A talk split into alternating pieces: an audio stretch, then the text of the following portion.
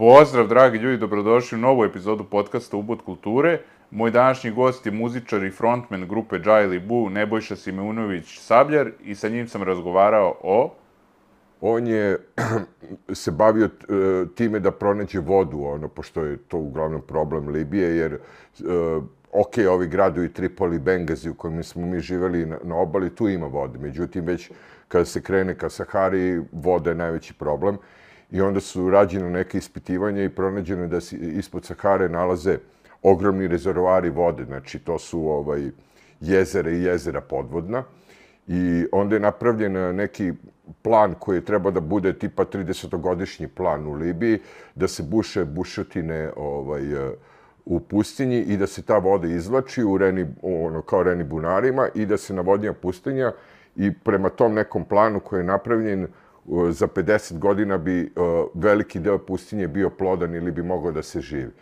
Ovaj, čak je on za taj plan bio predložen za Nobelovu nagradu. I ono što je interesantno, pr, prve mete američkom bombardovanju Libije su bili upravo ti ovaj upravo ti izvori da, da. te bušotine vode. Hteo bih se zahvaliti Manč zato što podržava i deli iste vrednosti kao i ja i hteo bih se zahvaliti svima koji me podržavaju preko Patreona i Paypala. Linkovi su u opisu. Uživajte.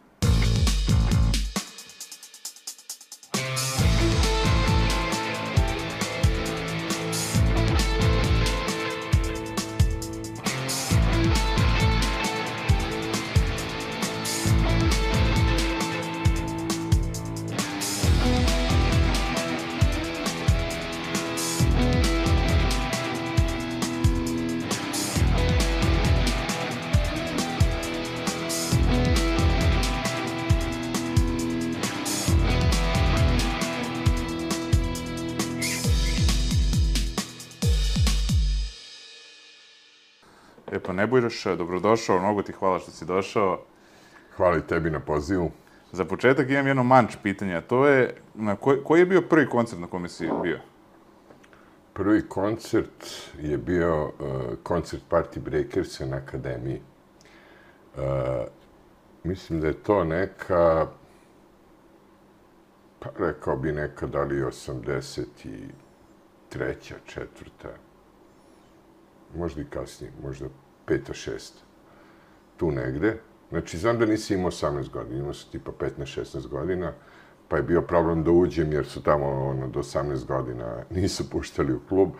I mislim da je to meni i prvi odlazak na akademiju i sećam se ono, Cane imao neku e, crvenu košilju sa karnerima i kao se ovdje imao, ono, neš, kao oni španski igrači. ovaj, E, I mislim da su čak svirali tada sa dve gitare, da, da ti je bilo ona posto, to je u stvari tada izašao prvi album gde su ono čuvene pesme Hiljadu godina, Johnny i tako. Te, ti godina je scena bila izuzetno jaka i Akademija je bila, da kažemo, među pet najjačih evropskih klubova, verovatno. Pa jeste, mislim da je u, u, na, u da li New Musical Expressu, ne mogu se sad setim, kon časopisu izašao 40 najboljih klubova u, gra, u Evropi i da je tu bila akademija u tih 40. Sad na kom mestu ne znam, ali ovaj, bila je u, među najboljim klubovima u Evropi u to vreme. Čuo sam da, su bili, da je bio veliki problem ući u klubu uopšte. Da, postoje su članske karte, da. Uh, tako da ni, uh, nisi mogao da uđeš bez članske karte. Uh, nekad su pravili neke ustupke, ono, kao devojke su uglavnom mogle nekako i da prođu, da uđu ovaj, bez članske, ali uh, vadio si člansku kartu i, a naravno, morao si da imaš 18 godina, uh, to je prvo, drugo, morao si da znaš, na primjer, nekoga koji iz te rock'n'roll ekipe, pa da te on preporuči da bi dobio člansku kartu, tako da tih prvih godina kad sam ja počeo da izlazim, uh, nije bilo lako ući, a s druge strane, uh, nekako bila je uh, mnogo bolja odabrana ekipa, nije mogao se desiti da tu zaluta neko ko nema veze sa rock and roll. Da. Ovaj, a postojale su i zlatne ovaj, karte koje sam kasnije imao, ovaj, sa kojim si imao kao taj neki besplatan ulaz i ne znam šta. A ubrzo posle toga, da kažem, posle koncerta Party Breakersa, osnovali ste grupu Jiley Boo. 87. godine, 1. maja 87. godine smo imali prvu probu, tako da to ajde da kažem da ovaj, e, e, mi slavimo taj dan kao znači, dan osnivanja 1. maj. Eto, lepo. Dan radnika, znači samim tim smo ovaj, osuđeni na to kao levičarski bunt i, ovaj, i to nas je valjda pratilo ono, cijelu karijeru. I eto, vi ste već društveno angažovani već 36 godina i ono, vaši tekstovi su uvek angažovani, a da kažem, nije to slučaj kod svih ovaj, rock bendova, čak da kažem neki rock bendovi i loše stare, da ne, ne kažem da su, se, da su ovaj, ušli sami sebi u, u usta, ono što su pričali, nešto suprotno rade od onoga što su pričali. Ovaj. Koliko je bitno uopšte za rock band da ostane svoj, da, ovaj, da li je to uopšte suština, ono, mislim? Pa jeste suština, meni to najbitnije u celoj priči. Uh, zbog toga sam išao uvek na, na rizik da, da izgubim mnogo, ali da ostanem ovaj, eh, da ostanem pri svojoj ideji, pri svom stavu. Uh, to nas je uvek koštalo puno, znači nismo ovaj, mogli da sviramo velike festivale, uh, onda ove razne kulturne centre, znači sve što je finansirano države, to je bilo za nas ovaj, zabranjeno, a, a počelo je zapravo sa, kad smo izbacili pesmu Diktator. Mm. Tako da taj rizik, rizik postoje, sad ko je spreman da preuzme taj rizik uh, i da uskrati sebi uh, prihode, novac od, od koncerata i slično, onda okej, okay, onda su, ali kao, onda je to to. Da, da. Niste ranije imali u ranijim fazama problema, kao sada kad ste izbacili pesmu Diktator ili... Imali smo uvek. Uvek. Znači, to, to nas prati svih 36 godina. Ovaj, imali smo i naravno za vreme ovaj, režima Miloševića, tu smo isto imali dosta problema.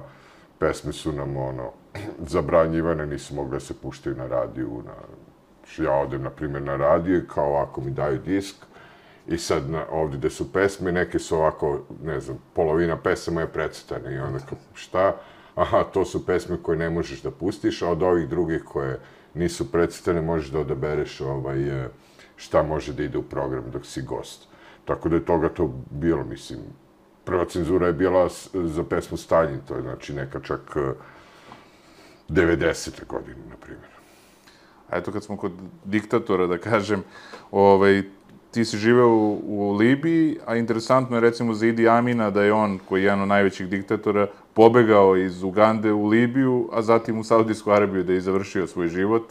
Pa sam to te da te pitam, ko je po tvom mišljenju, da kažem, najveći diktator, ono koji je postojao, ajde da kažem, koji je ono... Pa, Ima ih, nije da ih nema. Teško je to reći, jer uh, u današnje vreme skoro svi uh, predsjednici ili da kažemo e, političari koji su na vlasti ne samo na istoku nego i na zapadu su diktatori. E, demokratija kao demokratija ono kao ovaj i u izvornom smislu mislim da više ovaj ne postoji nigde on tako da mediji su kontrolisani kao što su kontrolisani ovaj u Srbiji tako su kontrolisani ne znam u Francuskoj ili Nemačkoj ili Engleskoj Americi znači svugde su apsolutno kontrolisani i laž uvek postoji, ovaj, ta diktatura koju mi ovdje imamo sa Vučićem nije ona nešto što je kao samo ovdje, to je jednostavno trend u svetu ovaj, da, da postoje diktature. Evo, konkretno, na primjer, moja rođena sestra živi u Francuskoj i ono, kao Makronova diktatura je, ništa nije ono bolje od Vučićevi, znaš, on kao ukida, na primjer, svojim građanima ne znam, e, da moraju da e, do 65 ili 66. godine rade, znači povećava im e, radni vek, onda samim tim pravi sebi budžet, jer tri godine neće otplaćivati penzioni fond, neće primati ništa jer je pomereno godište. I izađe, ne znam koliko milion ljudi od, izađe u Francuskoj na ulice, on ništa. A pritom je taj zakon, na primjer, donesen uh, E, s njegove strane. Znači, nije ga izglasao parlament niti stranke, nego ono kao, e, e, kako se to zove, specijalis, zaboravio sam, kada predsjednik donese ukaz i to je kao, ovaj, kao na primjer sada Vučić da donese ukaz da ne znam, svako od nas mora da plati po 100.000 evra, jer, ne znam,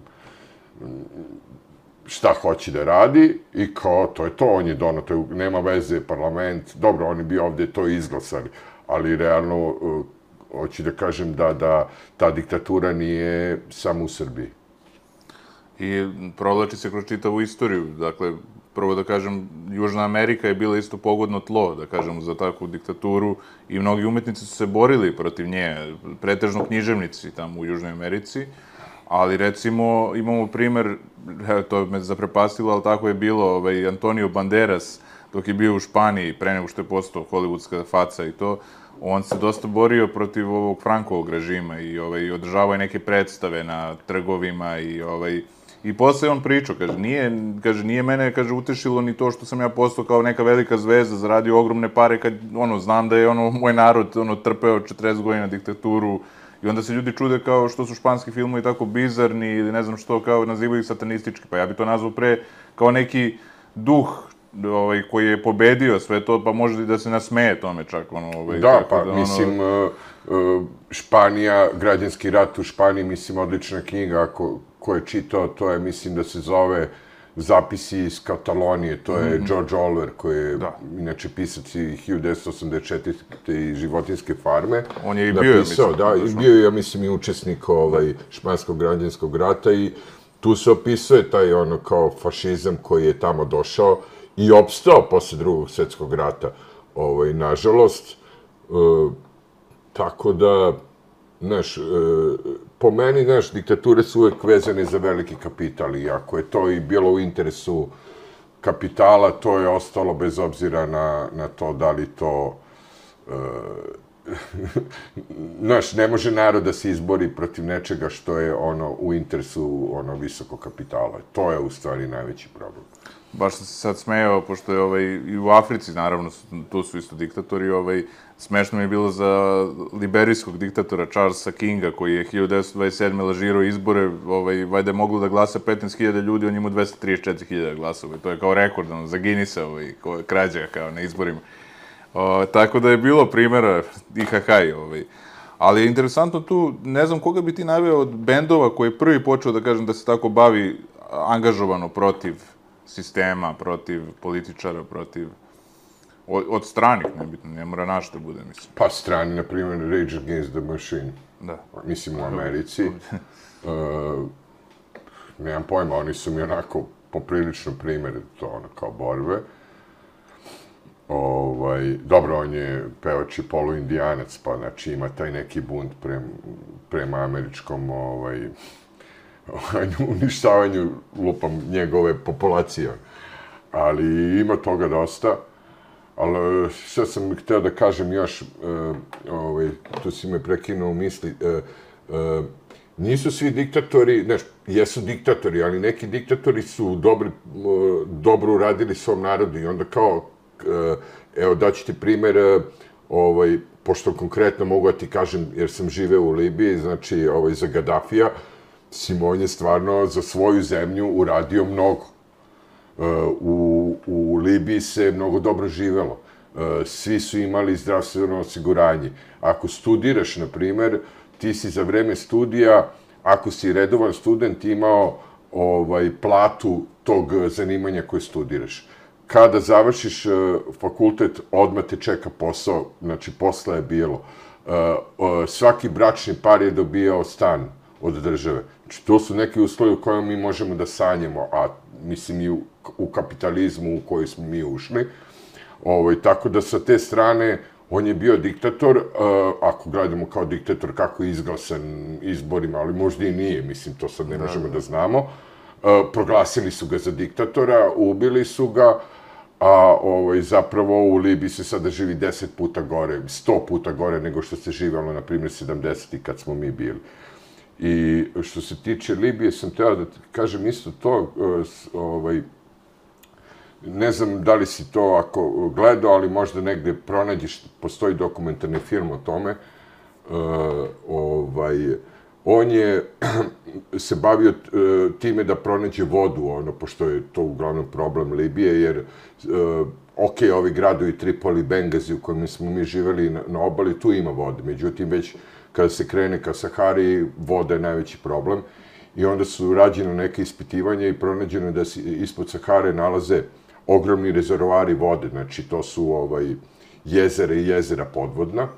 I onda je napravljen eh, neki plan koji je treba da bude tipa 30-godišnji plan u Libiji, da se buše bušotine ovaj, eh, u pustinji i da se ta voda izvlači u reni, ono, kao reni bunarima i da se navodnja pustinja i prema tom nekom planu koji je napravljen za 50 godina bi veliki deo pustinje bio plodan ili bi mogao da se živi.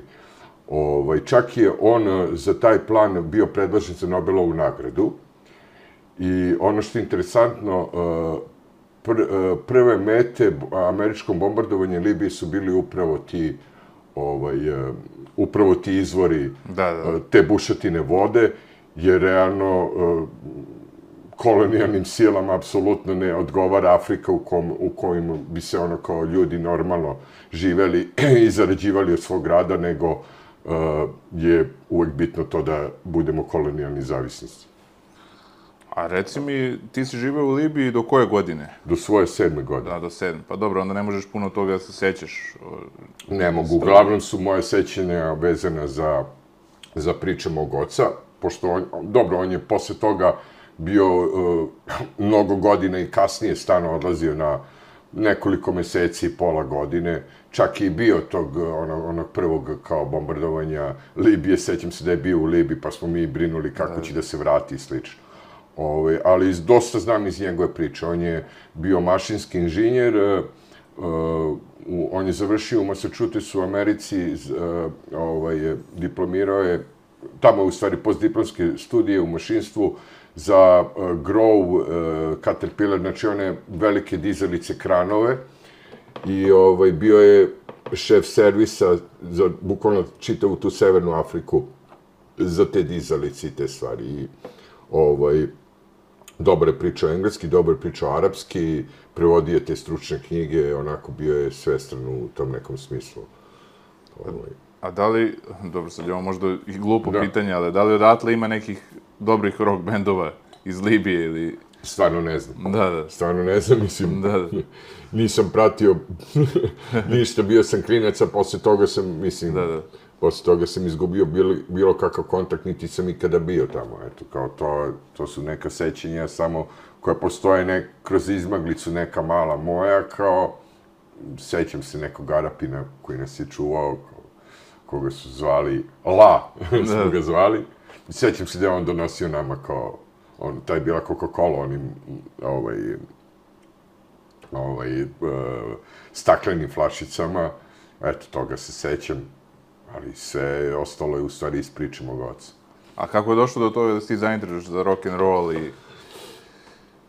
E, pa vidi, znaš šta je, e, e, moj stric, na primjer, mlađi brat od mog oca, on je onako malo više bio to kao u rock and roll fazonu. Oni su ti ono generacija, Čala je bio ono Beatlesi, a, ovaj, a mlađi brat Stonesi, znaš. To je to vreme, tako se delilo. Ovaj, I on ima puno znači, puno vinila i on je a, mlad umro i, i ostalo je, znači, gomila ono, ploča, ovaj, tad nisu bili još diskovi i ja sam to sve dobio, imao sam već gramfon koji mi je otac kupio i tu sam već počeo da slušam, a i s druge strane, moj, da kažem, neki deda stric, to je od moje uh, babe po ocu, rođenog brata sin, uh, Dejan Stanisavljević, on je inače bio uh, mislim i dalje, mislim da taj band funkcioniše, lider benda uh, Beograd. To je elektronika s početka 80-ih, imali su jedan album Remek Depo. Tako da i on je živao u mojoj zgradi, imao je tamo neki kao studio. Onda su tu dolazili svi, ne znam, Baby Doll, e, Dragana, onda ne znam, Dudua band i tako, ta ekipa. I ja sam bio klinec, tu sam stalno visio sa njima i nekako dotle i to i krenulo. A da li su 80. godine baš bile i, da kažem, najslobodnije što se tiče upravo te cenzure, da nije bilo cenzure, da je tad moglo da se nastupa slobodno, mislim, i tako to? Pa bile su donekle, ali mislim, tad i nije bilo toliko ovaj, uopšte muzike koja je bila direktno, ajde, suprostavljena sistemu, ali ako, ako je ovaj, e, i bila, bilo je to nekako zapakovano, pa je to nekako prolazilo. Mislim da je ono prava cenzura zapravo krenula u vreme Miloševića, a ovaj, onako za vreme ovog današnjeg diktatora, ona je onako sada na nekom ono super nivou. Ono. Da. Ono, pošto on je ovaj, bukvalno uh, ušao u svaki nivo ovaj, sistema. Znači, nema od uh, predsjednika kućnog saveta do predsjednika parlamenta svako neko zvanično te, misli, zvanična ličnost ili rukovodioc nekog tela mora biti ovaj vezan za, za sektor. A reci mi, vi od, to je diktator izašao 2016. jel? Ili... Da, ja mislim da je 2016. Ja nemam uzeti ovaj, za gotovo, jer ja onako godine poprilično... I od tada imate problem ono sa Pa tako, da, od 2016. da kažem. Ne samo s nastupima, nego i s izdavačima. Sa, sve, sve. Da, znači, što se tiče nastupa uh, na festivalima, tu, ne, tu nas nema. Uh, konkretno na Exitu, na primjer, ja sad da damo neke konkretne primere velikih festivala, na Exitu nismo svirali od 2007. Znači, to je koliko ono, pet, ili, ili pete možda čak, znači, jedno, 18 godina nismo svirali, a redovno svake godine kao konkurišemo, pitamo, isto tako i sa Beer Festom, na primjer, u Beogradu, koji isto je ono, ovaj, pod šapom ovaj, režima. Uh, I tako, tako, skoro svi festivali su ovaj, Znači, bilo je problema... To se uvek vrte isti bendovi, znaš, koji da. su tu u dijelu sa režimom i to je tako. Znači, i u vreme prethodnih je bilo problema za te festivale, ovaj...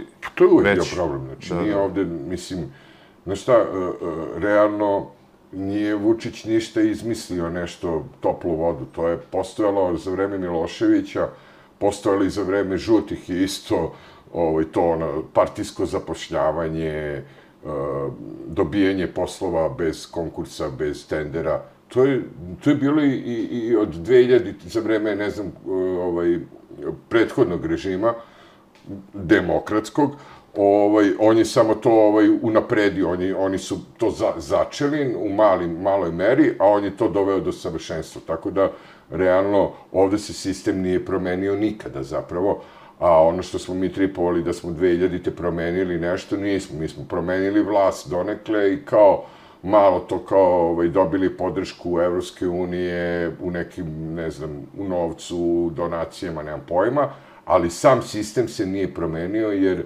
sistem je ostao isti, a i većina tih koji su bili u, u, u, ovaj, u prvim, prvom režimu, da kažem, Rošiće se provlačio kroz sledeći, kroz sledeći, tako da to je jedan začaran krug u kome su uvek isti ljudi već ovde već 35 godina. Da li misliš da ima spasa i šta misliš o ovim protestima što se trenutno dešavaju? Pazi, ja ovaj, nemam neku nadu ono, u, u, u, ovaj, u promenu ovako protestima. E, da ne kažem da ih ne podržavam, ja, ovaj, ja ih podržavam i idem na svaki koji mogu da odem protest, ali mislim da ovaj, taj koncept u kome se svake nedelje izlazi, ja mislim da to odgovara režimu, ono kao, to će se u jednom trenutku, ljudi će se umoriti, uh, pretvorit će se u kolotečinu, kao i jedan od 5 miliona i ugasit će se. Da, da, da. Ovaj, mislim sad, nije, e, neću ti pravim problem na, na ovaj kanalu, ali ja sam za radikalne, ono, jedan protest, vrlo radikalan i kraj. Da, da, da. I meni ovo deluje kao neko razboživanje da, i to da. prodavanje beđeva da. i ovo i ono. Da, da. Mislim, pa mislim isto kao i ja na 5 miliona. Jednostavno, ta energija se posle toga ugasi. Bila je super na početku, ali ako se nešto, nešto ne postigne ovaj, e, u dva, tri protesta, po meni trebalo se prekine sa protestima i onda nek se opet e, energija e, puni, a puni će se jer nema gde da izađe no. i onda za kad dođe neki osudni moment opet napraviti protest. A ovo kao jednom nedeljno, da. ne, ne, ne, ne kapiramo što je point toga. Pa nažalost, eto, kažem, i ja sam, i pre podcasta sam pričao sa tomom, imao problema, zato što, nažalost, mislim, evo, ja nisam toliko politički angažovan u smislu da nešto ja sad, ne znam, pričam protiv njih, ali desi se nekada kažem on svoj stav, ne. a pritom ja se bavim kulturom, I dolaze mi tu neki gosti i sad kao vidim kao neki, kao rekli su mi neke firme i kompanije kao da neće da budu sponzori zato što ja veličam prošlost. Što je meni bilo smešno jer sam ja pisao o umetnicima, o nekim događajima koji su dešavali ranije. Uopšte nisam spominjao ove ni u kom kontekstu, ono, mislim. Čekaj, tako da, šta, trebaš da veličaš sadašnjost ili budućnost? Beograd na vodi ili da, ne da, znam šta. Sadašnjost, Tako da, budućnost, da. jako čudan, ono, kao obrazloženje, jako čudno i eto, to je ono što Onda, moram ja onda da kažem. nisi trebao da me pozoveš kao gosta. Da, da, da. Jer ovaj, mogu sad ti napravim probleme. Ovaj. Pa ne, ja ali- verujem da oni koji su okej, da ja te tražim, mislim, tako da ono, ono, da stanu uz mene, tako da ono, ne bi ni želeo sa tim nekim ljudima Da, koji su da, ono, da. sa njima, tako da, ovaj... A reci mi, ajde se vratimo na muziku ovaj, i bendove koje si slušao, ti si mi poslao poruku da si mnogo voleo Clash, Da. ovaj, što se tiče te punk scene i to, ovaj, Da. Pa, znaš kao, u mojoj generaciji je to bilo kao, u generaciji mog oca da su se svi delili na ono Stones i Beatles, a moje neke generacije se delila na, na Pistols i Clash, znaš, ja sam nekako više volao Clash. Ovaj, pogotovo što je Clash ovaj, imao te momente gde je kao gde je išao i ka regeu, i ka soulu, soulu, i funk, i mislim imao je svega, imao je ovaj, na primjer, ako, album Sadinista tu ima ono, raznih pravaca muzike, mnogo interesantnih ovaj, momenata. Prvi album je punk, sve posle dalje ima svega. I, i, i konkretno i, i zato, zato sam ih volao, a i, i što se tiče onoga što ja radim, ovaj, gledam da nisam ono usko vezan da radim samo punk muziku, nego ono šetam, ono, e, osnova jeste punk i, i neki bunt tekstovi, ali muzika ne mora da bude. A što se tiče, pa da, i Clash je i duže potraju od, od Pistolsa, definitivno. Da, a, mislim, poenta po meni e, panka jeste bunt u, u, u tekstu, ono, znači, e, bunt koji postoji u, u tekstu pesme ne mora da bude vezan toliko za muziku. Da, da, da. A jesu li post-punkeri, punkeri ili onaj grafit je bez veze? Pošto ima dosta i post-punk ovaj, bendova, čak i neke žanrove, kao i grunge, računaju kao neki pod-žanr punka. Pa ima, mislim, meni je to sve okej, meni je okej da, da se muzika razvija, znači, nema potrebe da muzika ostane ista, znači, iz neke, nekog pravca se rađa neki drugi pravac, neka dva pravca stvaraju neki treći, e, muzika je ono kao živo biće koje se stalno menja i onda, a punk opet, kažem ti, gledam kao bunt, znači, to je to, nema šta, ovaj, da li muzički može da, bud, može da se menja, može da, da odlazi u nekom drugom pravcu, što da ne. Uh, Rage je, pretpostavljam, početkom 90-ih bio, ono, da kažem, na, na vrhuncu do oni nastupaju i dalje, mislim. Da, ono, da. Nisu, nisu nastupali u Srbiji, nisu? Nikad. Nisu. Nisu, nisu. Znam da ljudi idu i u Beč i u ne znam gde, ono sve, da po okolini da ih gledaju, ovaj, ali oni imaju, znam da ono, u raznim pesmama nabrajaju čak i žrtve, ono, na, po imenima ovaj, raznih sukoba i tako Da, to, ovaj, da. tako da, to što ti kažeš, njihov ovaj, frontman je indijanac, pa onda A, verovatno... a i oni su isto ono zabranjivan bend, isto bend koji ono i pravio te neke koncerte tipa kao uzmu i zakažu koncert ispred neke javne ustanove i onda tu se skupi ono milion ljudi, oni sviraju na kamionu, znaš. Da, da, da. To je što smo i mi radili ono 90-ih, Da, tako da, da, da, to je to, to je taj neki bunt protiv eh, sistema koji realno koliko je ovde loš, loš i u mnogim državama, ali kao ta, eh, jer to je ta neka revolucija koja postoji, revolucije su večne, znači ne, ne postoji jedna revolucija, one se stalno ponavljaju i stalno postoji neki ovaj kao bunt eh, prema lošim stvarima koje te okružuju, znači to je point. ono. A vas je, može se reći, digla u orbitu pesma Ustani i kreni, jel tako? Da. Da, pa to je album Strašni sud, on je izaš, izašao od 95. godine i mi smo pre toga snimili ovaj, eh, dva albuma, eh, pa u nekim, da kažem, lošim uslovima. Prvi je bio ono skup demo snimaka, to je album Hemonari, drugi je bio sniman 92. treći, ono u vreme najveće ovaj, inflacije i gde smo ga snimili tipa za Pečezana, sve ono, a, a pritom smo bili megalomani, pa smo tu kao 16 pesama da snimamo. Ovaj, I onda, e, onda je nas je uzao Metropolis i e, tada smo snimili Strašni sud, tu smo dobili prvi put e, dobar studio, studio O, e, koji je bio ono, ovaj, ozbiljan, mislim možda i najbolji studio u to vreme u, u Jugoslaviji, ex-Jugoslaviji. Ovaj, I imali smo dobre uslove i snimili smo tu pesmu i tu i Večna lovišta koji su također veliki hit koji nas izbacio.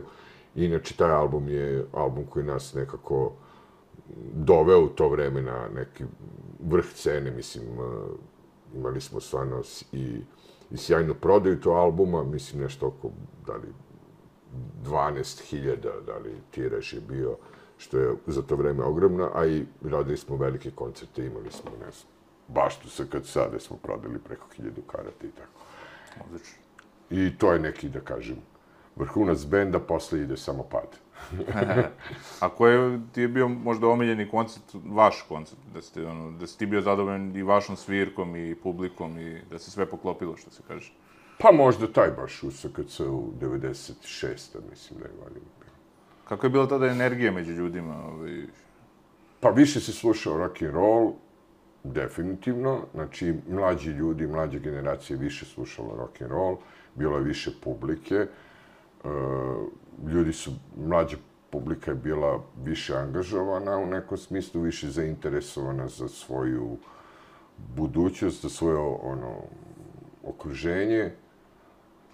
Nemam pojma, bilo je bolje u nekom tom nekom smislu publike. Ono, danas nekako nove generacije nisu toliko ovaj, nisu toliko angažovani. Znaš, ti ako prevratiš film, setiš se, nemam pojma, studentskih protesta 97. i tu porediš sa današnjim studentskim nekim protestima, to je nebo i zemlje u razlici. Znaš, tad smo bili ono, ono zabarakadirani u onim u fakultetima zatvoreni i u amfiteatrima se sviralo, onako mi su svirali i na PMF-u i na filološkom fakultetu amfiteatru za vreme protesta i to je bio rock and roll. Onako. A sada, ne znam, sad možda jedino narodnjaci da im dođe. Mm. Acu Lukas ne dovede.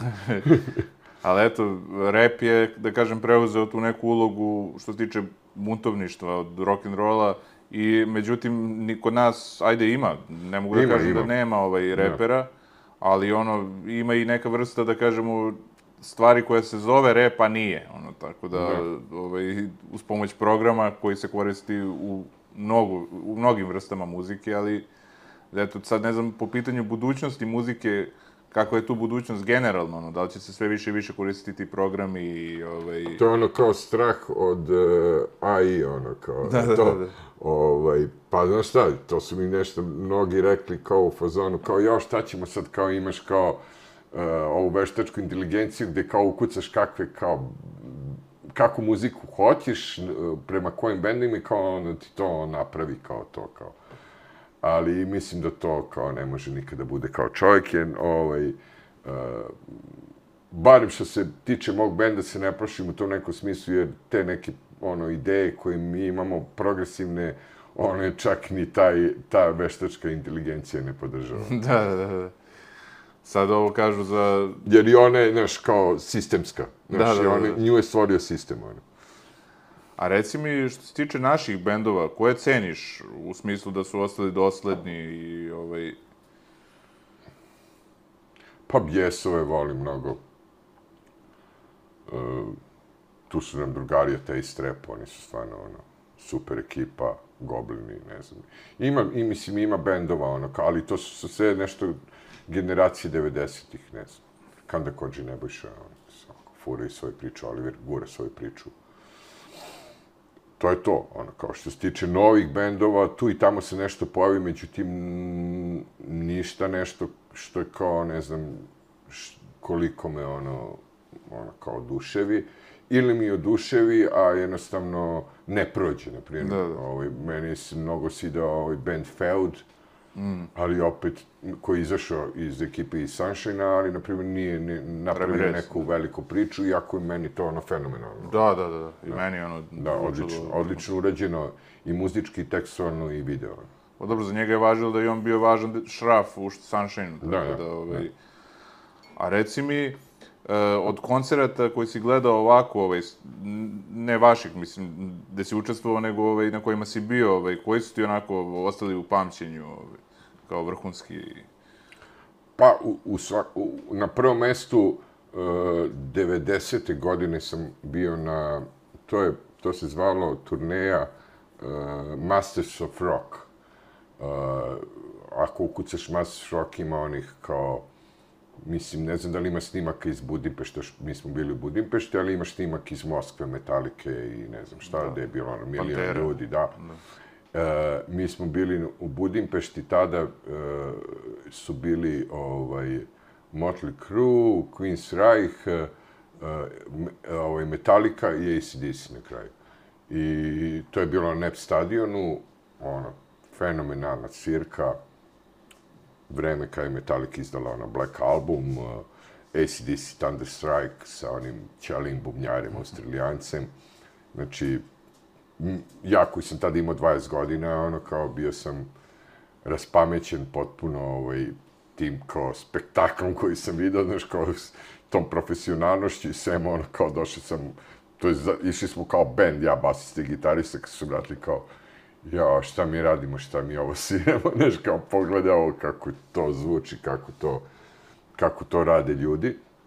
I da kažem da mi je to jedan od možda ono kao najdrži koncerta, a od klubskih svirki, e,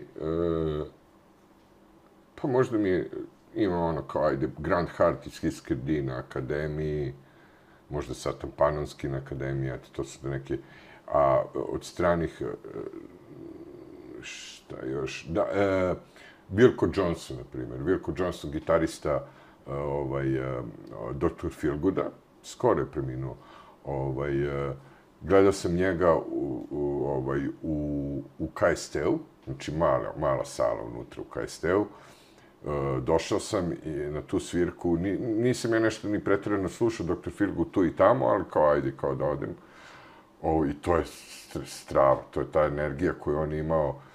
On bukvalno ide s gitarom i ovaj, hipnotiše ljude. Znači, on imate neki pogled i, i pokrete u kojima svi ostanu kao potpuno kao hipnotisani. I to je bila fenomenalna cirka, toliko je bila dobra, pošto je dva dana bilo da sam ja kupio kartu i otišao i drugi dan da gledam. Ovaj, dva dana sam gledao ovaj, Virko Johnson. Pošto je ovo 120. i kusur, ne znam koja je epizoda, ovaj, u nizu, ja više ne znam ko mi je rekao, ali je skoro bilo, da mi je neko baš spomenuo njega, ovaj, kao Da, nekoga da. koga ovaj, izuzetno ceni, ali ne mogu setim ko je to rekao, tako da... Odličan gitarista, Da, da, da. Ono, sa možda najboljom, ne levom, nego desnom rukom. To je ta ritmika na gitari, mislim, bitna je leva ove, ruka, ali uh, desna ruka gde je ritmika, tu je on bio savršenstvo. Znači, to što je on mogao da odsvira u ritmici, to je redko koji gitarista ono može. Inače, bendovi koji su nastali, da kažemo, krajem 80-ih i početkom 90-ih, da kažem, u- Srbiji ili u regionu, svejedno, ovaj, važe za svirački, za jače bendove nego koji su nastali, da kažem, krajem 70-ih i do 80-ih. Mislim, barem su mi tako rekli, Da. ne znam, Ivan Jevtović kad je bio i još neki gosti, da su jači bendovi bili ono, da nije bilo svejedno ovim bendovima koji su nastali, ne znam, 70 neki, da izađu sa, sa, posle njih, mislim. ono, Pa, tako da- mislim, 90-ti su po meni naj, najbolji period. Mada to kao, niko to kao nešto ne, ne priznajem. ne priznaje, stano se, se vuče ta priča kao ono, 80. talas, pakit aranžman, tamo vamo. Ali, realno, 90. su dale najbolje bendove, koji dan danas sviraju i dan danas su veliki bendovi i uh, jednu široku scenu različitu muzički od, e, ne znam, ajde pomenemo neke, ono kao Goblini, Bjesovi, Ateist Rap, pa koji su ne znam, bliže punku, Bjesovi, bliže nekom metalu, pa Blockout, pa Darku Dub, eh, Kanda Kođi Nebojša u nekom drugom pravcu, pa DLM koji su funky, pa... Znaš, to je e, širok spektar e, muzike, Opet i reggae, Ovaj, Iceburn i... Pa i Iceburn i Sunshine i mislim sad ne, da nabrajam sve i ne znam, Oružje protiv otmičara, Eva Brown koji su pop, ali sve to bilo vrlo kvalitetno I interesantno je da su ti bendovi, ako su bili različiti muzički, vrlo bili bliski ovaj, u saradnji, često su i svirali zajedno, nije bilo tih nekih muzičkih podala koje danas toliko postoje. Ako sam razumeo, ti, vi ste bili predgrupa, bili idol na nekom koncertu ili... Jesmo. Da. Što se tiče tih uh, velikih nastupa, svirali smo uh, na Ušću pre Billy Idola i svirali smo pre Kaiser Chiefsa uh, u areni uh, zajedno sa Blockoutom. A to sa Billy Idolom je, od, mislim, super je bilo s tim što kao prvi dan je bio ono smak sveta, ono. Da, da, da. Krenula da se ruši bina, mi smo imali tonsku probu i odjedan put je nebo bilo potpuno crno. Znači nešto poput ovoga pre nekoliko dana što je bilo. I cijela bina je krenula da se, to je ogromna bina kao četiri sprata zgrada, pet spratova, krenula se klati, onda su oni tu kao vezivanje za neke ono, one ogromne kocke pune vode, ne znam, te, težišta da to ne padne. Mi smo uspeli da, da nekako siđemo sa bine, gitarista je ovaj, eh, zaboravio eh, ovaj, gitaru na, na bini i krenuo je taj, taj nevrvatan pljusak, a ovaj, pokisla mu je gitara, ono, inače, mislim, vredna gitara je, to je Gibson uh, Custom uh, 76. godina. Eh, uh, I onda ono kao, on je počeo tu kao da paniči, kao, znaš, kao, ja, šta ti s gitarom, on se poplavelo, ne, od vode, ono, laki sve to i kao samo se pojavio njihov kao roadie, kao nema problema, vide u stvari da se to desilo na bini i došao je, kao uzeli su gitaru i sutra smo dobili kao i, ovaj, sređeno sve ono. Ovaj, I uopšte taj neki uh, profesionalizam koji smo imali od strane organizatora tada, to je ono sve savršeno. Ono. Je to bilo 2012. čini mi se, jel? Opet me pitaš za godine. Da, da. Zato što sam bio, bio sam ja na nastupu Billy Idola, ali ne mogu da se setim, onda bi znao da, da, ne znam da li je to bilo te godine, on je više puta nastupao, tako da, ovaj, znam da je onaj njegov e, koncert na Ja bih rekao bio... da je bilo moguće da je 2012. Da. Moguće, moguće, da. Ovaj, nastupao on više puta i posle toga još jednom dolazi, tako da nisam siguran ni ja, mislim da nisam bio to kad ste vi bili predgrupa, Mislim da je posle. to 12. Da. Da, da. A recimo, onaj njegov nastup ono, na Exitu se smatra za jedan od najboljih, ono što ima ovaj, snimak, ono, kad je podigo publiku, mislim, vidim da su ljudi pisali u komentarima, nismo neki fanovi njega, ali ono, ono je baš bila žešće, ono, Steve Stevens pa, je tu da šta, on je energija koju, e, ovaj, koju ja kad sam gledao, na, barem na tom koncertu, on, on je, čini mi se, 59. godište. Na primer, mislim da je 55. 55. možda. Da, da. Uglavnom, ja sam to gledao i koliko on trčao, kako je ono. Ja sam, znači, od njega mlađi tip, pa ne znam, 15 godina. I kad sam to video, rekao, pa ja kad, niš, baš sam, ono, kao, rekao bendu, ja kada bi ovako krenuo da skačem i urcem kao on, mene bi odnijeli na nosilima posle pete pesme. Tako da, ovaj, stvarno, on, je, on fizička, njegova uh, energija koju on ima je, ono, stvarno, a i vokalno i dalje je ono fenomenalan, naravno i, i gitarista. I oni su taj tandem i stvarno su dobri u tome što rade.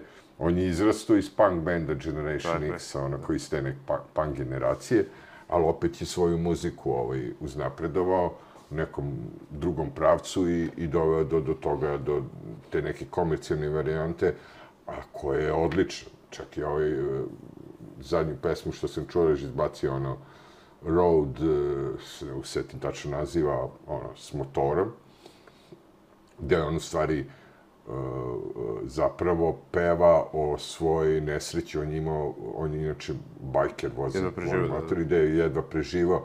Ja, ko se seća, na primjer, spota onog ovaj, uh, obrade Dorsa, ono, LA Woman. LA Woman, on je tu sa štapom, ali nije bez veze sa štapom, jer je on stvarno tad bio polomljen, ono. Da, da. I tu pesmu novu koju je izbacio, novu sad tu ima nekoliko godina, o, o kao, ovaj, gde kao si pojavljaju motor i ta motor nesreće na motoru sve to je nekako, vidiš da je ovaj, da je vrlo lično, znaš, ja volim pesme i muziku koje su lične, koje nisu izmišljene, nego su izašli iz života ljudi koji ovaj, stvaraju tu muziku ili umetnost. Pa baš sam čitao skoro njegovu autobiografiju, Dan- Dance with Myself, mislim, stvarno, ono, ovaj, mislim, baš je bio iskren, ono, tako da, ono, ali pretpostavljam da je to i u njegovoj muzici, ovaj, ono što je privuklo Da, ljude, da da, kažem, da. tako da, nema tu nikakvih, ono, mazanja i ne znam šta, sve je, ono, ogolio se potpuno u knjizi, tako da, redke su takve autobiografije, da baš Pa, tako, mislim, redki su ljudi koji, evo, e, najbolji primer, e, sad za vreme korone su snimili oni gitarista, u, ona, ne znam, možeš da nađeš na, na YouTube-u, ovaj, u nekom studiju, njih dvoje akustična gitara i uh, Billy peva, uh, Stevenson svira akustaru i kao ništa, znači jedna kamera, jedan mikrofon, to zvuči fenomenalno. Znači, to, njih dvoje, samo jedna akustara i glas. To ubija kako dobro zvuči. da, da, da. I, i nije, ih- nije, ih, ono, kao, nije im problem da se pojave ono kao tako u nekoj sobi bez veze njih dvoje i da snime nešto što je fenomenalno. Znači, ne treba im ništa, ne treba im light, ne treba im bina, ne treba im uh, marketing, ništa im ne treba zato što su njih dvoje ono genijalci, taj tandem, dovoljno im jedna gitara i jedan mikrofon. I oni su ra razvalili sve ostalo. E, to je to što mogu jako redko koji muzičari da, da imaju. A eto, nisam te pitao, ti si rekao da si slušao Clash, ono, između Pistolsa i Clasha, ali između Beatlesa i Stonesa, koga bi izabrao ti? Ili ni jedan ni drugi? Pa, realno, uh, Black Sabbath. ACDC. ne znam, ovaj, slušao sam i Beatles i Stonese i ne znam, možda sam ja više slušao Beatlese zato što je moj matori više slušao Beatlese i kad mi je kupio gramofon, kupio mi je neku Tosca 10, to je bilo ono, kao 10, zato što možda staviš 10 ploča, pa kao ono, prebaciti onda ploča upadne dole. I, ovaj, I znam da mi je kupio Hard Day's Night i Revolver, ono, dva albuma Beatlesa i ono, pošto sam bio klinec, ono, šta sam možda imao, tipa 10-11 godina, ja sam to baš ono puno slušao, ono, kao i ovaj... A posle, kasnije, sam od strica pokupio Stones i ovo, ono. Ali volim, ja volim, ono, kao razne pravce muzike, puno volim muziku i 50-ih, i 60-ih, i 70-ih, i jako široko. Uh, od, od strica sam pokupio gomilu ploča, ono, od, ne znam, Mountain, Bob Dylan, uh, ne znam, Tin Lizzy, tako te bendove koje više vola, koji dan danas volim da čujem, ono. Baš sam gledao ovaj dokumentarac o Phil Lynottu, ovaj, isto je dobar dokumentarac, koliko je bilo to čudno da je, on je u stvari gypsy još iz Irske, mislim, Da. ono, Da, za to da. vreme, ono, specifična pojava. I koliko su se oni borili da, ono, se probiju, da kažem, i po Engleskoj, i po Americi, ovaj, i ovaj, kao da, tu, dobro, prikazano dok, dokumentarcu, oni su dosegli neku slavu, naravno u Irskoj su Ali pazi, tu je, ne znam, uh, koliko se ja sećam, sad da ne pogrešim, i Rory Gallagher I Gary Moore i, i. Ga, Gary Moore. Znači imaš dvojicu gi, vrhunskih gitarista i imaš ono kao basistu pevača koji je on isto Da, da. multitalent. Mislim i dalje imam više vinila, Tin Lizzy odličan, stvarno, odličan bend, ono, iz tog vremena. Recimo, mom čaletu je Rory Gallagher najbolji koncert na kome je bio, ovaj, ne znam koje godine je bio, ali kad je bio u Beogradu, ono, Da, imao je turneju po da. Jugoslaviji, pa je bio i, ovaj, je, ja mislim, pet koncerta tada. Ovaj. On je isto bio opasan tip, ono, kad su padale bombe, on je svirao ovaj, u onoj hali Ulster u ovaj, Severnoj Irskoj, tako da, Da, da, da. fantastičan lik, samo eto šteta, rano je završio, da, što se kaže. Da, da. Ali, mislim, uh, takav bend je posle, e, eto, Gary Moore, koji je posle nastavio e, svirku, on je opet e, napravio ogromnu karijeru i odličan je u bluzu, otišao stvarno jako duboko, za, da kažem, belca u bluzu, stvarno je ono fenomenalan bio. Ali eto imamo neke primere i za Fleetwood Mac, recimo. Oni su bili na početku, su imali taj jak zvuk sa Peter Greenom, a posle su postali maltene pop band, ono, praktično, ova druga faza. Kad, gde su bili još popularniji, da kažemo, nego što su bili ovaj... Ali eto, oni su jedan od tih primera gde su otišli, eto, to, sasvim u nekom drugom pravcu, ono.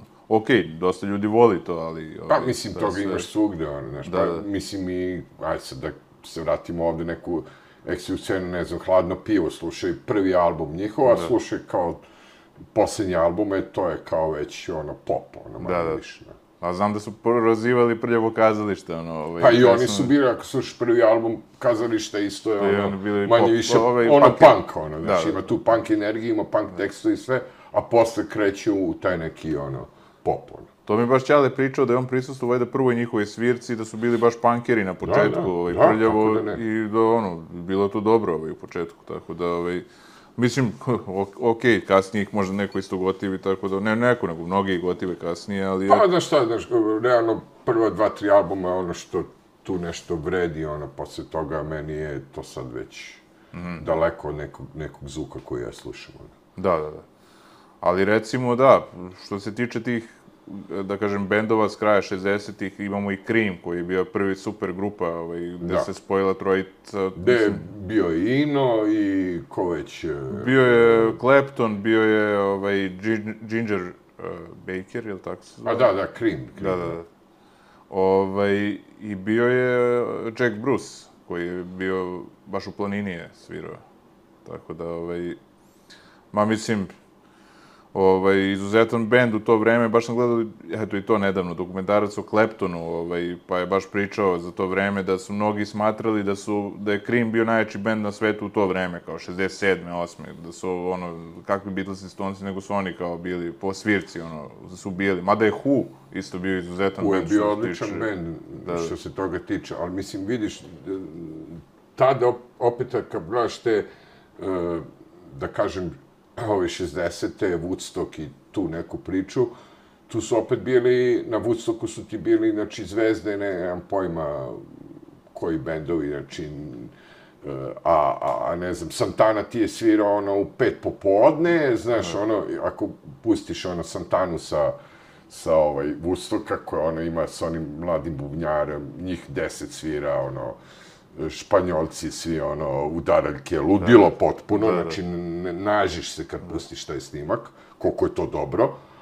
A zvezde su bili, ne, ne mogu sad ni setim imena nekih, ono, koji su bile zvezde, a, a na primjer, Hendrix i svira ujutru, ti imaš snimak Hendrixa gde on svira, ono, kao himnu, američku da. himnu, to je već jutro, ono, Da, da. i svira je, ne znam, za 200 dolara lupom. Ovaj, m, nažalost, e, e, nek, dosta tih velikih e, ljudi je e, prerano ono kao umrlo, na primjer Hendrix, ko zna šta bi od njega ovaj, dobili da je poživao njegov, Yes. na primjer, karijera trajala 3 god, 3-4 godine, ne znam. Da, da, da. Pa eto, i na tom nastupu, mislim, niko nije ni znao da će Woodstock da bude tako velik festival u početku. Mislim, oni čine to sve to trojstvo, koliko sam Da, razumeo, ono, ovaj, festivala.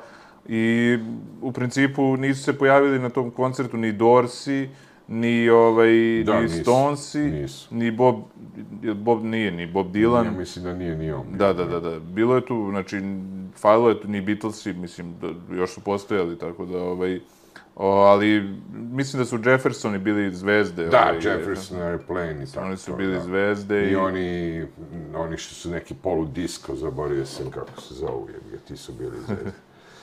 Znaš, to je već, e, znaš, kraj 60-ih, pa kreće i 70 da je disko i onda to već polako upl- upliljava u, u priču. Da, a punk je negde između 74. i 79. Ono, kažu da je 79. bio baš kraj, kao, mislim, tog Pa izvornog punka. 76. kao gledaju kao neku glavnu godinu, da, da, da, da, su Ramonsi ranije krenuli, ali ajde kažemo Pistolsi koji su tu kao, ajde, ikone, to je 76. Da. I onda to se završava već negdje 78. Dete, onda imaš onaj drugi neki talas, 81. druga, tu ima nešto bendova i u nekom tom drugom navratu i tu u to vreme i kod nas ono kao New Wave i to se gasi. Ovaj, a posle toga, ja nemam pojma, 80. nešto nisam mnogo kao gotivio što se tiče muzike. Uh, meni je ono pravi ono kao taj kvalitetan nalet dobre, dobrih bendova bio ono Seattle, znači to je početak 90-ih. Grunge Da, grunge, znači gde imaš i, i Nirvana, i Soundgarden, i Pearl Jam, i, I Alice in Chains. i Alice in Chains, i Mark Lanegan. i- go, gomilu bendova, i sve odjedan put dobiješ i Fate No More, i ne znam, Da, da, i, i i, i, dobiješ ono, mi- odjedan put brdo ono dobre muzike, I meni je to stvarno bio ono sjajan period i tu sam ja i negde i, i već ozbiljnije krenuo radim sa bendom i dosta je to imalo utjecaja na mene, ta neka Seattle scena. Jeste, a tu- eto, zanimljivo, 90. godine u Americi uopšte nisu bile loše, ono, baš naprotiv, Da, ali da. kapiram da je to bilo više do tih, da kažem, ličnih sudbina tih ljudi koji su ovaj, svirali. I, Pa, lično, da. Da, i to što je Seattle poprilično, kažu, depresivan grad, jer pada Da, kiša da, non stop, jest, ovaj, da. tako da, a bio je, eto opet sad kažem dokumentarac, dosta gledam dokumentarce u posljednje vreme o Kurt Cobainu, on je u stvari došao iz Aberdina, to je neko mesto, gradić u Washingtonu, Mhm. ovaj, pa je došao to, tamo bila najmanja stopa zaposlenosti u nekoj socijali odrasto, mislim, tako da je on došao odatle, tako da pretpostavljam da su i odatle ti tekstovi i to sve. ovaj, Odatle sigurno, da.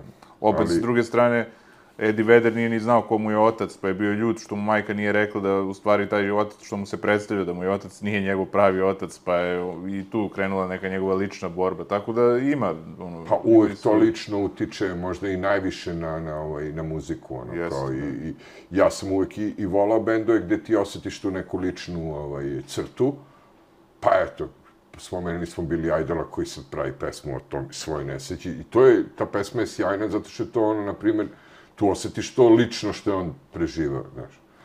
Možda ćete ovaj. vi napraviti neku pesmu sad o, o ovoj priči što vam se dešava. Ovaj, Pa ja sam o diktatoru napravio ono, kao, Da, da, da. lično mi se dogodilo, lično sam bio uhapšen, ono, kao bio sam u, ovaj, neku majicu pravio koja je bila problematična i, ovaj, i bio sam kući jedan put ono zvone, dva inspektora dolaze i kao uručuju mi ono, tužbu, uh, ovaj, visokotehnološki kriminal, uh, ugrožavanje bezbednosti premijera, tad je bio premijer, i on otprilike kažu mi da moram da dođem u desno krilo Siva na on, informativni razgovor, to se sve događa pred izbore neke.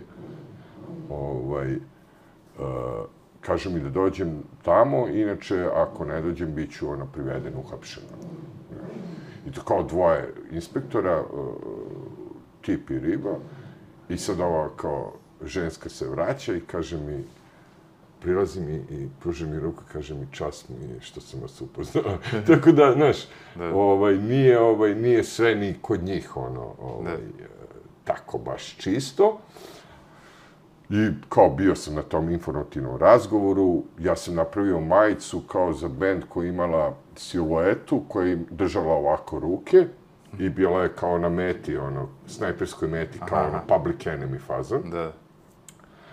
I, ovaj, I onda su me onako, is, to moje ispitivanje, kao, e, vi ste stavili premijera na metu, je kao, rekao, to nije premijer, o, pa kao vi se, ali kao, ovaj, e, ta, kao silueta, pošto je silueta, ti silueti ne možeš da kažeš ko je, znači ja, ovaj, ja rekao, pa ja sam, ja sam na meti, to je moja silueta i ja, ono, mnogo volim da držim tako ruke, ja, kad, inače, mi ljudi znaju da ja tako držim ruke, Znaš što se oni tu kao nasmeli, ono kao, pa, ali kao, ta silueta neodoljivo, ovaj, uh, podsjeća na, na ovaj, naših premijera.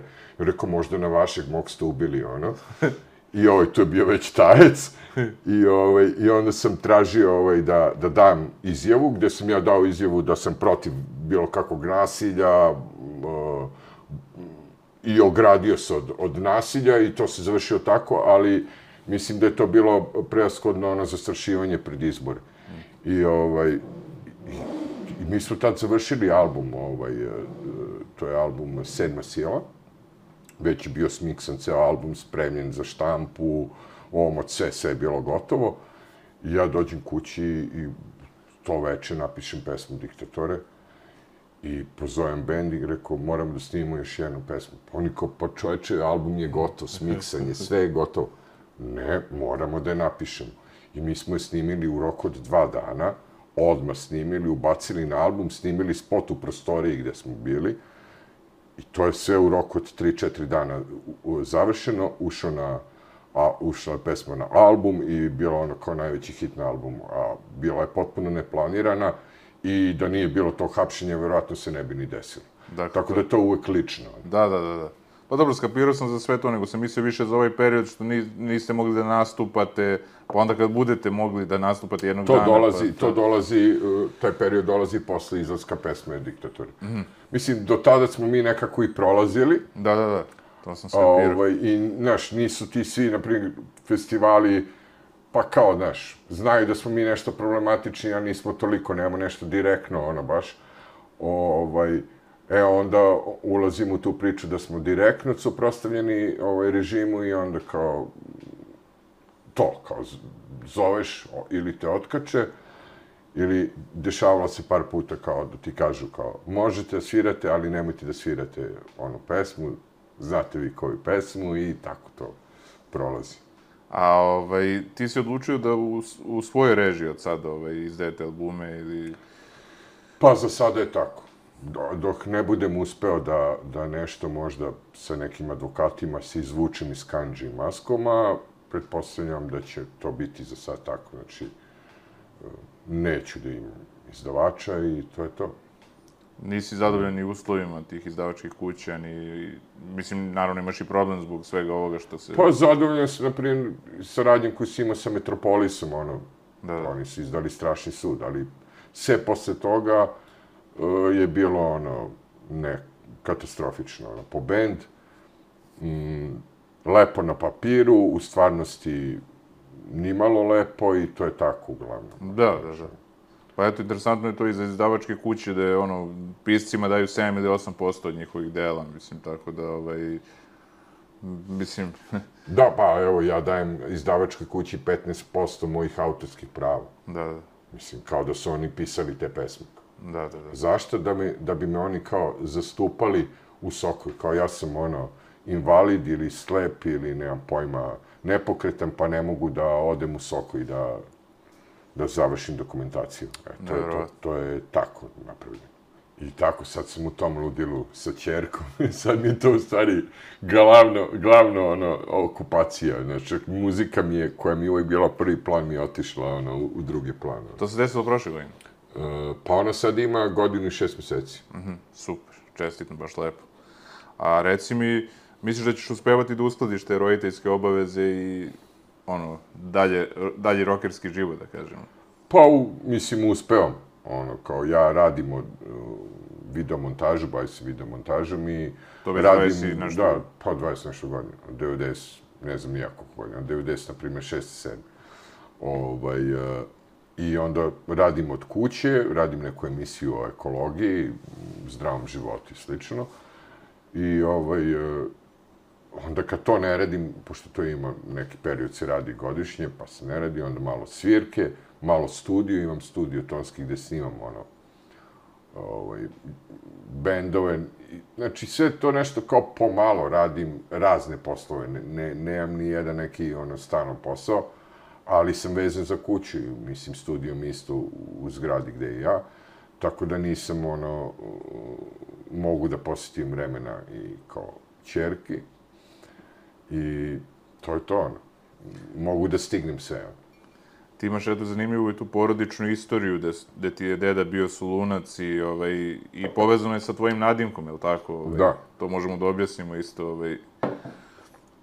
Pa, e, e, da, i, i što se teo ti kažem, mnogi me pitaju za to, a, mislim, po, ja sam pre ne, nekim, da kažem, možda ima i 8-9 godina, krenuo pišem neku knjigu e, koja je vezana e, i za moju porodicu, za moj život, kao, to je neka, da ni, nije autobiografija, ne znam kako bi ono nazvao, ovaj, e, gde, se, e, gde, gde će u stvari biti e, puno malih priča, a sva, svaka ta priča je vezana za neki, neku moju pesmu, znači odakle je ta pesma izašla, šta je bila inspiracija za nju i, i nekako je vezana i za, ima tu nešto i dosta o bendu, dosta o mojoj porodici, tako da tu, tu ima i to kao o, o mom nadimku Sabljar, koji sam dobio po, ovaj, po sablji mog e, dede koji je bio solunac, koji je tu bio ranjen tom sabljom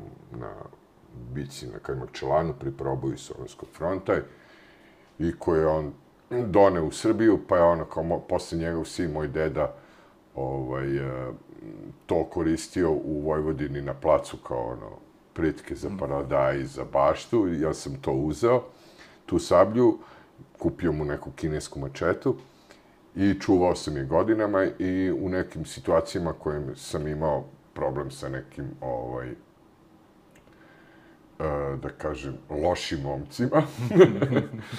o, ja sam e, nosio mantil, to je bilo 90-ih mantil i onda ispod tu sablju i imao sam neke ovaj, susrete sa njima, pa je te ono, policija tražila nekoga sa sabljem u kraju kod mene i onda je ovaj, e, moje društvo ovaj, krenulo da me zove sabljar i to je tako ostalo. A, ovaj, pa da, dobro, meni su isto pradede bili solunci, ovaj, pošto sam ja mlađi, pa ovaj, oni su tih godina bili u tim godinama, da, da kažemo, da. da mogu da... Ovaj, I nevjerovatno je to sad ovo što smo pričali, koliko je sve to povezano i opet da verujem da i mnogim ljudima su takođe koji su, da kažemo, u SNS-u ovaj, takođe možda pradede i dede bili solunci, ono, i da šta su sve prošli, a oni se prodaju za tako neki sitniš, mislim, i ono, Ajde, ne, nije, ne, nije bitno da li sitniš uopšte, ali kako znaš, se sve... E, pa, znaš šta, verovatno bi se ti, te naš, ti naši preci stidali nas i kao ne bi verovali u što smo se mi pretvorili kao, uopšte kao, da kažem, nacija, narod, nebitno, ovaj, u, u koje, ovaj, no, uopšte, nevezano za to kao da li se prodajemo, nego i kulturološki, svako, ako ono, koliko smo, ovaj, uništeni, ali mi smo jednostavno bili stalno kolonijalno, kolonijalni, ovaj, pod da. kolonijalnom šapom. Tako da, da, kao što smo i danas pod kolonijalnom štampom, šapom, I, a oni su jednostavno bili ti koji nisu dali ovaj, da, da Srbija bude kolonija i to je jednostavno, su tako i platili to jako teško. Moj uh, deda, znači sin tog Solunca Luke, on je bio uh, kapetan prve klase uh, kraljevskog vaz, vazduhoplovstva, ratnog vazduhoplovstva, i on je bio pilot lovac, branio je Beograd 6. aprila uh, i kao posle bio u, ovaj, u zarobljeništu u Nemačkoj. I on je svašta preživio, on je učestvovao u puču 27. marta, bio je jedan od pučista, pošto avijacija sa Simovićima i uradila po 47. marta. I on je sa svojom jedinicom zauzeo poštu, tada kada je bio ovaj, glavnu poštu. I on je bio pučista. I ovaj, e, posle toga nije se više bavio letenjem, on, posle 45. kad se vratio ovamo. I ovaj, umora je ono kao nismo mogli da nađemo gdje ga sahranimo, znaš, ono, to je bilo ono, e, sahrana, došli su par ono, pilota, ono, e, koji su još bili živi. O, a istoga dana se sećam da je ovaj, e, sahranjivan na aleji zaslužnih građanja Beograda Bađa, e, neki SPS batinaš, ono, koji je ono, tuko ljude na protestima, ono, policajac koji je, koga ubila mafija ili nešto šurovo s mafijom, nema pojma. A, znači na, na zaslušnoj, e, na aleji zaslušnih građana Beograda, ali tu nije bilo mesta za mog detu koji 6. aprila uzleteo ono da brani Beograd kada je Beograd napadalo ovaj ja mislim u prvom naletu možda 500 ovaj je bilo u formaciji nemačkih što lovaca što bombardera a da li Beograd možda njih 15 branilo to je skadrila koji 10 i mislim lovački puk. Da li postoji neka šansa da se to kroz umetnost, kroz film, ne znam, kroz muziku ovaj, ispravi tak, takve nepravde koje se, mislim, dešavaju večito? Pa, ja stalno pišem o tome, mislim, da, da. to je nešto što, što, što se provlači kroz moje te, tekstove. I ako budeš našao pesmu koja se zove Pesak Bengazija, i ako malo prostudiraš tekst, vidjet ćeš da, da je to ono kao priča kroz tri generacije, znači kroz... Uh, moj ovaj, prade, četiri generacije faktički, pradeda, deda, pa otac moj koji je radio to kao po inostranstvu, e, putovo, radio sve i, i on isto, ono, znači, prošao katastrofalno na kraju, gdje su mu firmu razorili ovaj, neki julovci, kupili, on je trebao da ode ono, u prevremenu penziju, oteli su mu sve pare što je imao, znači, katastrofa isto i kao ja, kao ono, tako, poslednji u generaciji koji dalje se bori protiv tog sistema, ovaj, bori se za neku pravdu, ali možda nekim drugim putem, ono, kao ne oružim, nego uh, sa onom, muzikom i reči. Da. I hvala ti, mislim, na dostojanstvu i na tome što si jedan od redkih koji je ostao, da kažem, dosledan baš u ovo vreme koje nije baš ni lako i stvarno znači dosta da postoje takvi ljudi. Eto, to je... Hvala tebi na lepim rečima. I hvala ti naravno na ovom gostovanju, lepo smo se ispričali i želim ti puno sreće i nadam se eto da će biti bolji uslovi u budućnosti, da ćemo stvoriti bolje uslove, i tako da kažem. Pa, e, znaš šta, moramo da se više potrudimo, mm, moramo da radimo na sebi i da ovaj, e, gledamo sebe, znači našu zemlju, e, e, da nismo pod šapom nikoga, bilo to ono kao Amerikanci ili Rusi ili ovi ili oni, znači trebamo budemo svoji da se borimo za ovu našu zemlju koju imam, koja je jako lepa, bogata i koja sa nekom uh, dobrom vlašću i dobrom organizacijom može da bude jako bogata država. Jer ima sve, ali ima pogrešne ljude ovaj, u, na, na čelnim mestima. A ne da se u Vojvodini pravi fabrika brisača... Tako je. Hladno tlo. na Vojvodini koja može pola Evrope da, da snadbaju žito. Da. Hvala ti mnogo. Sve najbolje. Gledamo se na dalje.